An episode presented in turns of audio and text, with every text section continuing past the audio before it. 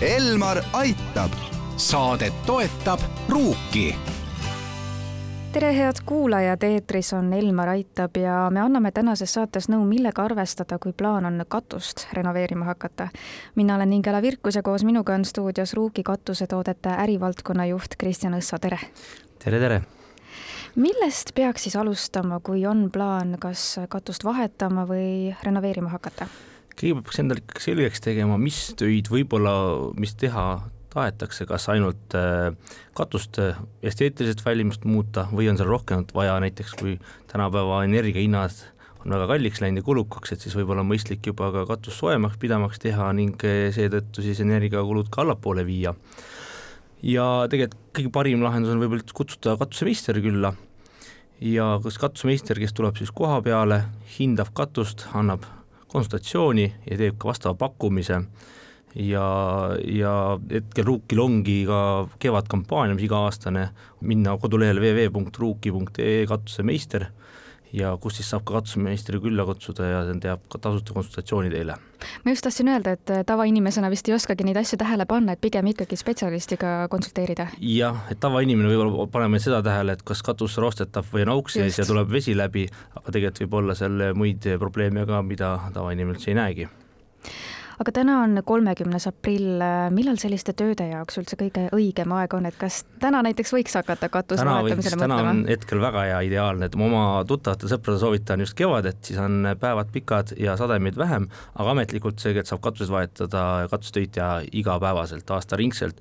peab arvestama sellega, et talviti on tööpäevad lühemad ja võib palju lund olla, et see protsess, kogu protsess võib olla lihtsalt pikem aga ütleme, kevad on väga ideaalne ja siis on ka suveks on katus valmis, siis saab juba suvepuhkust nautida.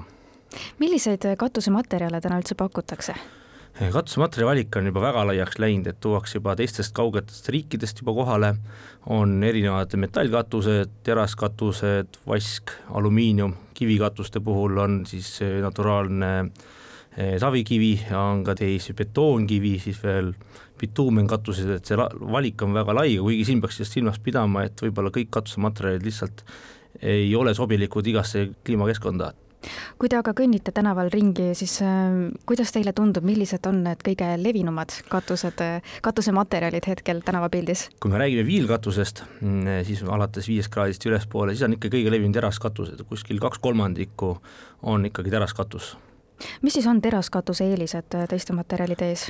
esiteks, teraskatus on väga kerge, temal on ühe ruutmeetri kohta kõigest ainult viis kilogrammi ja enamus katusematerjalid on isegi kuni kümme korda raskemad, et ta põhimõtteliselt sobib kõikidele renoveeritud majadele, samamoodi saab seda paigaldada ka väga madalate kallete puhul, alates viis kraadi kuni isegi ka vertikaalseinale. Ning ähm, kolmandaks on ka oluline, et ta on just meie põhjamaises kliimasse hästi vastupidav ma just tahtsingi küsida, et te nimetasite või mainisite, et äh, on väga palju erinevaid katusematerjale, aga kõik ei sobi meie kliimasse, et mis siis on võib-olla Eestis kõige suuremaks ohuks katusele? ütleme Eesti puhul on kindlasti, meil on siin äh, palju päikest, meil on siin äh, lund, mis peab lumele vastupidav olema, ta peab olema vettpidav, sest meil siin ikkagi sajab, tuultele vastupidav. Ja samuti, mis Eestis on iseloomulik, on, et meil on sellist pluss-miinus äh, kraadi, et meil päeval on plussis, öösel on miinuses, siis see katus peab olema eh, ütleme niiskust mitte imav, et ta peab olema mittepoorne ja see teraskatus on täpselt just see, et ta ei ima niiskust sisse ja tänu sellele on ta ka meie kliimasse hästi vastupidav. kui vastupidav üks teraskatus selles mõttes on, et kui pikk on tema eluiga?